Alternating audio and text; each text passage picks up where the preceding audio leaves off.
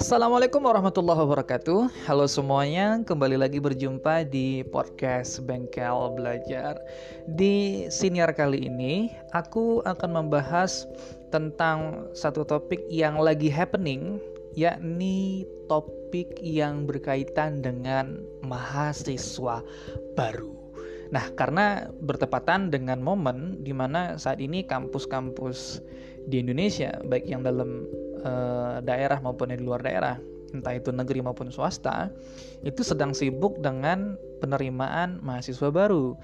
Nah, kenapa tiba-tiba aku pengen bahas ini? Karena berdasarkan pengalamanku semasa kuliah dulu sampai dengan hari ini, yang masih aktif berkegiatan dengan mahasiswa, aku selalu menemukan uh, beberapa jenis mahasiswa yang kalau coba aku bagi menjadikan dalam beberapa kelompok itu terbagi kepada tiga klaster besar. Oke, okay? kita fokus aja dulu untuk tiga klaster besar tersebut. Klaster yang pertama adalah klaster mahasiswa yang sedari awal memang sudah berminat untuk studi yang dia tempuh saat ini. Artinya mahasiswa ini nggak punya masalah dengan motivasi, dia berada di track yang benar buat kuliah. Nah yang kedua, klaster mahasiswa yang kuliah di program studi atau jurusan tertentu karena ikut-ikutan temennya yang juga masuk di jurusan tersebut. Nah, ini klaster yang kedua. Dan yang ketiga adalah klaster mahasiswa yang merasa dirinya tuh dari awal udah salah jurusan gitu. Nah, terus kenapa ini penting buat aku bahas dan aku angkat gitu? Jawabannya adalah karena masalah ini bukan hanya dihadapi oleh mahasiswa baru, tapi juga oleh mahasiswa-mahasiswa senior. Dan ini aku lakukan supaya kita bisa sama-sama untuk mengidentifikasikan diri kita sedang berada di klaster yang mana. Sekaligus menentukan treatment apa yang tepat agar apa yang kita jalani hari ini bisa benar-benar memberikan makna. Bahkan kalau seandainya ada kerusakan di dalamnya ada sesuatu yang nggak berjalan dengan sebagaimana mestinya itu bisa kita perbaiki secepat mungkin. Oke teman-teman sekalian kita bahas dulu dari klaster yang pertama ya. Tadi aku sebutkan bahwasanya ada tiga klaster dan klaster yang pertama itu adalah mahasiswa yang sedari awal memang sudah berminat dengan studi yang akan dia jalani pada hari ini. Nah, pada dasarnya mahasiswa baru yang semacam ini yang berada pada klaster ini itu adalah mereka yang sudah berada di track yang tepat atau sudah berada di jalan yang benar nih. Sehingga pada dasarnya kita nggak seharusnya khawatir dengan apa yang akan terjadi terhadap mereka ya. Tetapi uh, ada juga nih yang kutemukan mahasiswa yang di awal-awalnya uh, berada pada klaster ini, kemudian di semester 2, 3, 4 masih ada di klaster ini, kemudian di semester 5 tiba-tiba pindah haluan berada di klaster yang ketiga atau mungkin uh, segala macamnya gitu kan. Nah, uh, tentu menjadi pertanyaan kita semua, kenapa sih kok bisa terjadi yang demikian? Kok mereka bisa pindah klaster gitu di tengah jalan? Nah, biasanya kalau dari pengalaman uh, selama aku kuliah dulu, itu dikarenakan dua hal. Yang pertama, karena mereka memang nggak punya visi yang jelas tentang apa yang akan mereka lakukan setelah lulus. Jadi jadi cuma fokus dengan mereka punya minat ya udah gitu. Mereka hanya suka aja dengan uh, program studinya dengan jurusan yang mereka uh, pilih. Tapi nggak punya pikiran aneh mau ngapain ya abis ini? Aneh mau ngerjain apa ya abis ini gitu. Akibatnya mereka sering kali bingung dan kemudian pada akhirnya mempertanyakan minatnya sendiri. Kenapa dulu dia milih itu? Kenapa dulu dia pilih jurusan ini? Nah yang kedua karena mereka tidak punya informasi yang jelas tentang perkuliahan yang akan mereka jalani sehingga ketika muncul tantangan-tantangan yang ya relevan lah dengan uh, program studi ataupun jurusannya tapi mereka kaget karena itu di luar pikiran mereka atau di luar perkiraan mereka Misalnya dulu ada temanku sesama mahasiswa juga yang kaget kalau di program studi pendidikan agama Islam itu masih harus mempelajari matematika pada mata kuliah statistika pendidikan. Jadi ini banyak teman-teman yang pada akhirnya, waduh yang bener aja nih, masa kita masih harus belajar matematika di statistik pendidikan sih, bla bla bla segala macam sih. Ya tapi gimana?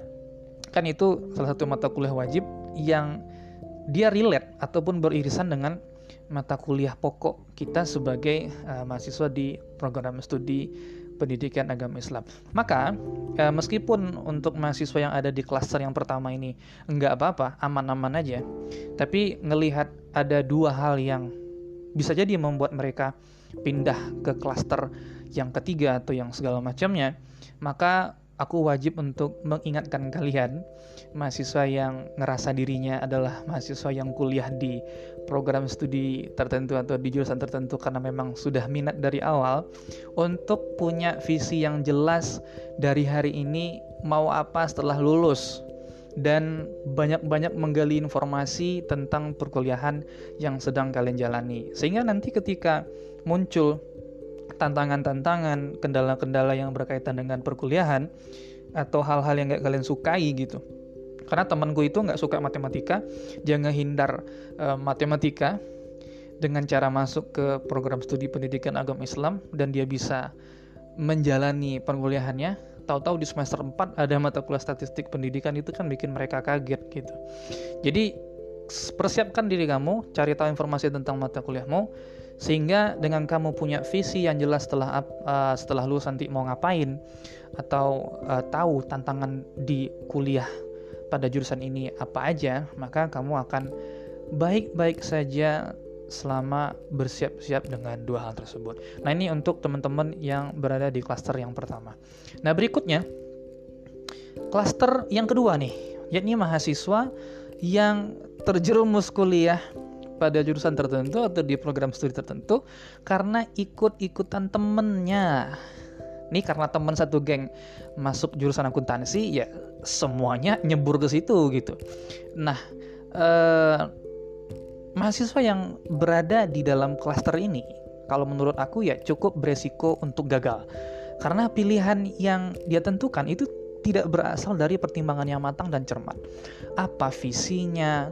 Akan menjadi apa setelah ini? Bisakah dia memaksimalkan hasil belajarnya untuk berkarir setelah lulus nanti gitu? Dan mampukah dia secara akademik untuk menjalani perkuliahan yang sedang mereka jalani hari ini? Lalu bagaimana kalau seandainya kamu yang mendengarkan podcast ini atau mendengarkan senior ini adalah mahasiswa yang berada pada klaster yang kedua. Bang, aku terlanjur nyebur nih karena aku ikut-ikutan dengan teman-temanku. Nah, perlu aku tegaskan bahwa kuliah ikut-ikutan dengan teman itu bisa jadi nggak bagus karena alasan-alasan yang aku sebutkan di atas. Tetapi kamu juga nggak perlu khawatir kalau seandainya kamu memilih jurusan tertentu karena ikut-ikutan teman dan takut ngerasa gagal, tidak perlu khawatir karena di sisi lain itu bisa jadi nggak kenapa-kenapa atau bagus-bagus aja selama kamu dan gengmu itu saling support satu sama lain.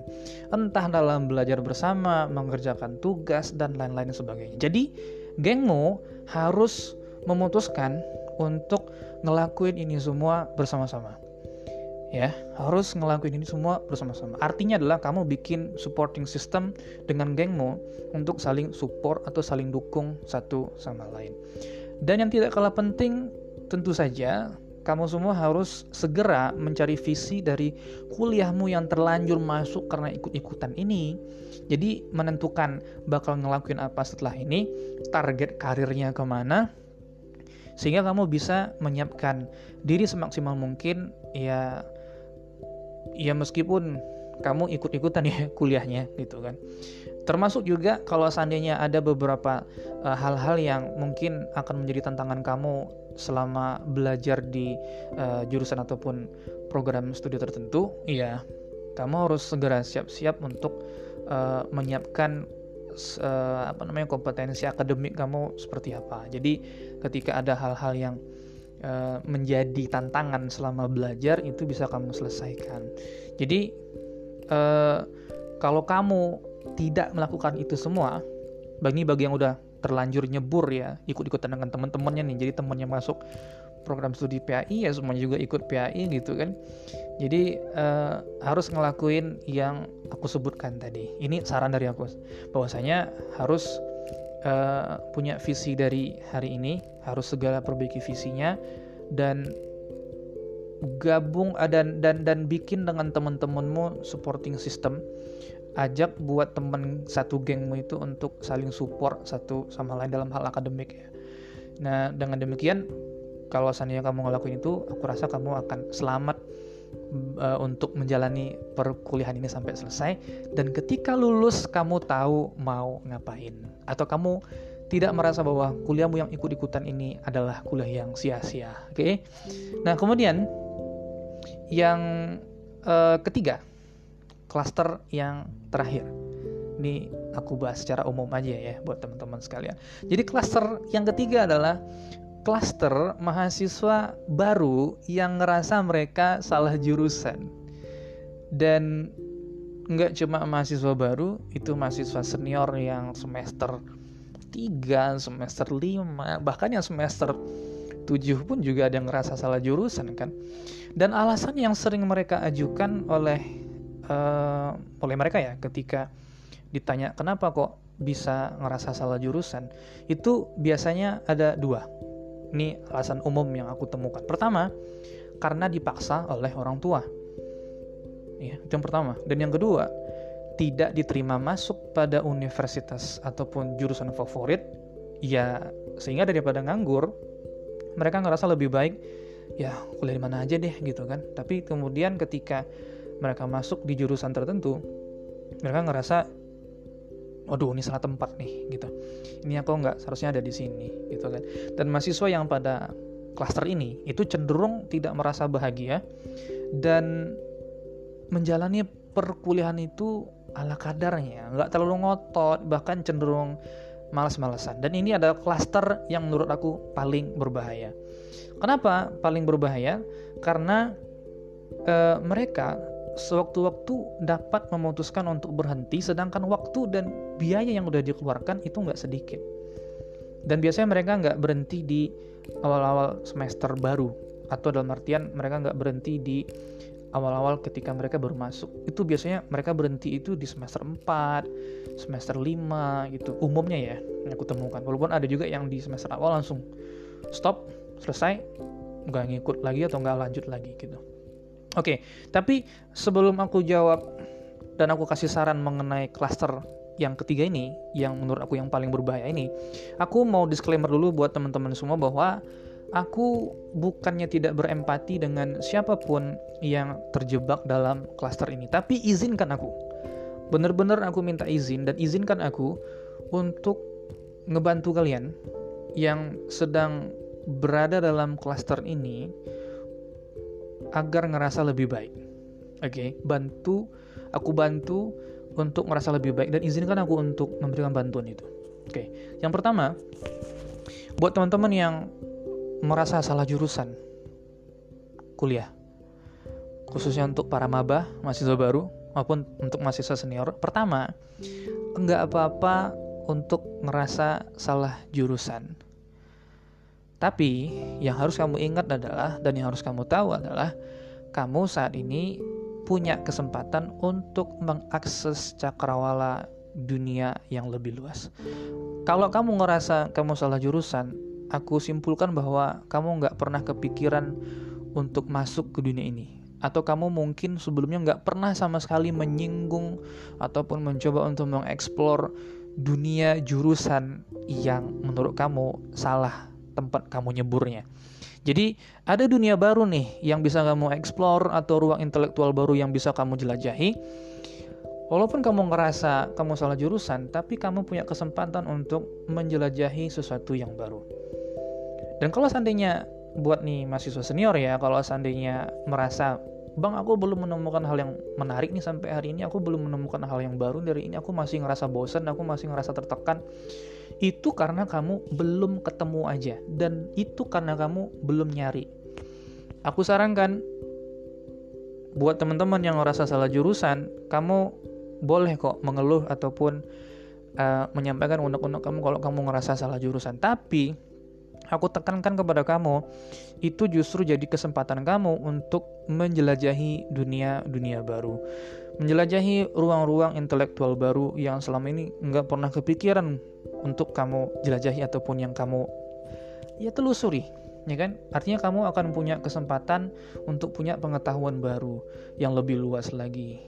Ya sehingga sudut pandang kamu, pengetahuan kamu jauh lebih baik, jauh lebih luas sehingga uh, kamu akan jauh lebih bijaksana. Nah, yang kedua, saran aku buat kamu yang ngerasa bahwa kamu salah jurusan, salah jurusan itu kan bukan berarti kamu tidak boleh mengerjakan apa yang kamu minati kan?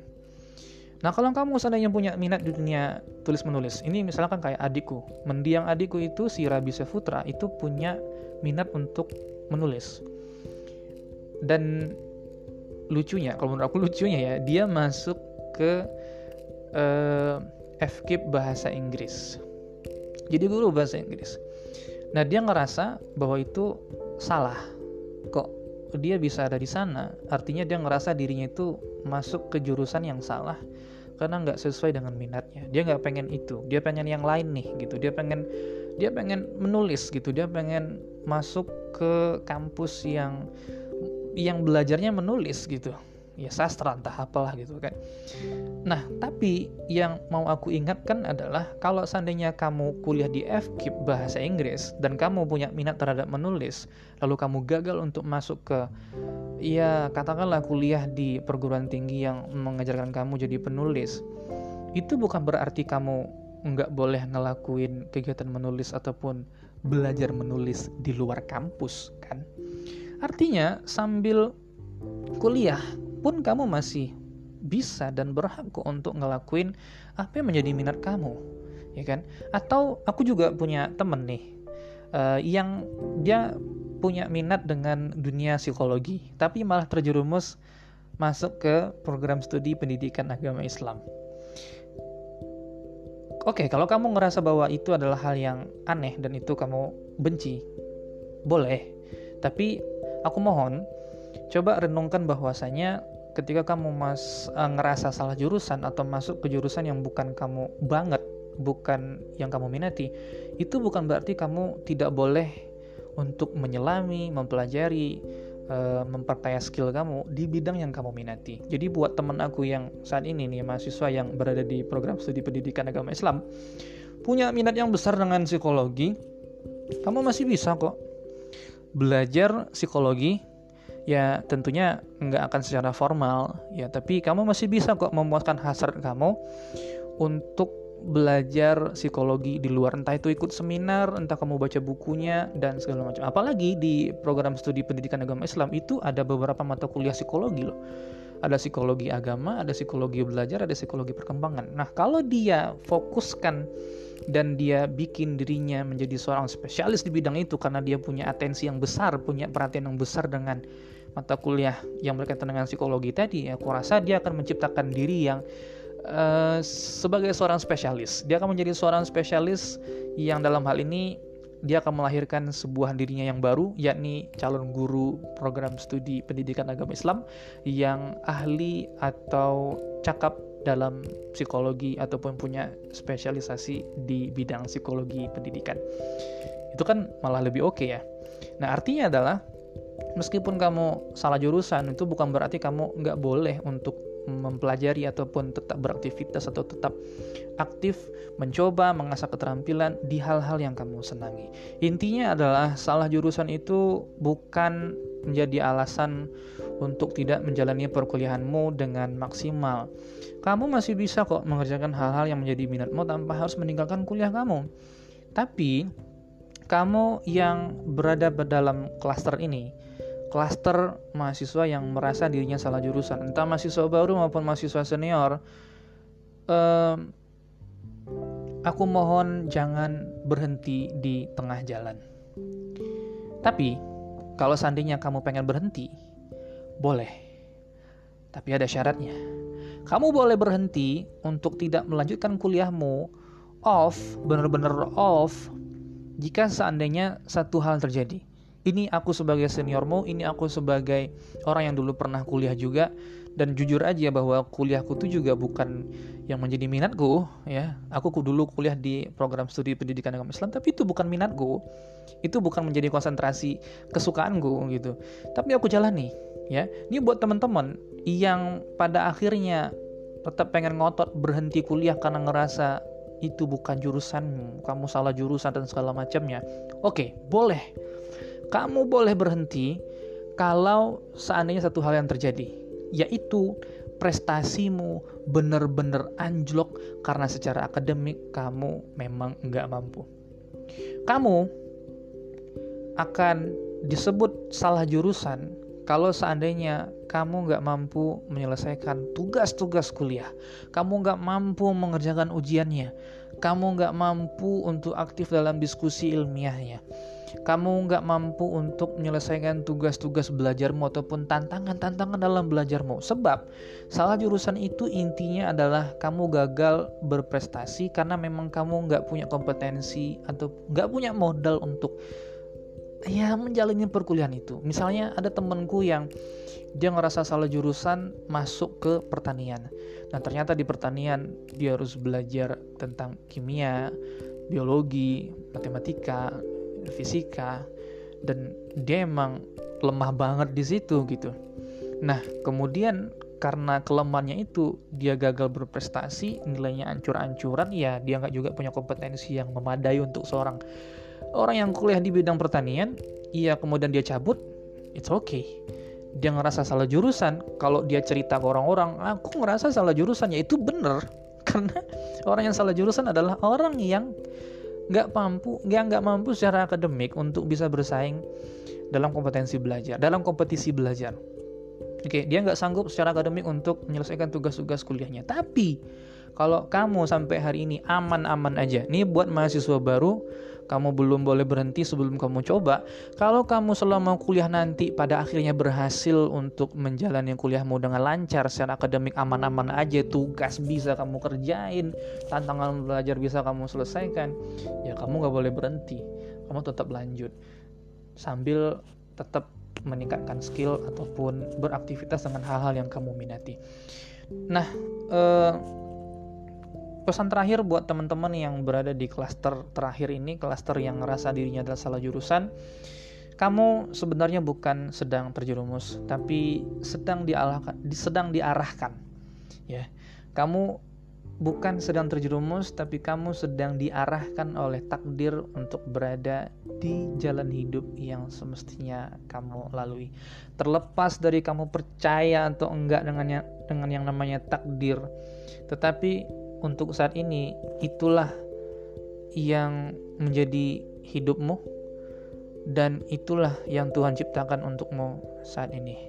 Jadi jalani sebaik mungkin jangan kamu sia-siakan waktu, tenaga, uang yang sudah dikorbankan untuk hal ini. Sampai jumpa. Silahkan identifikasikan dirimu sedang berada di klaster yang mana dan sukses selalu buat kita semua. Sampai jumpa.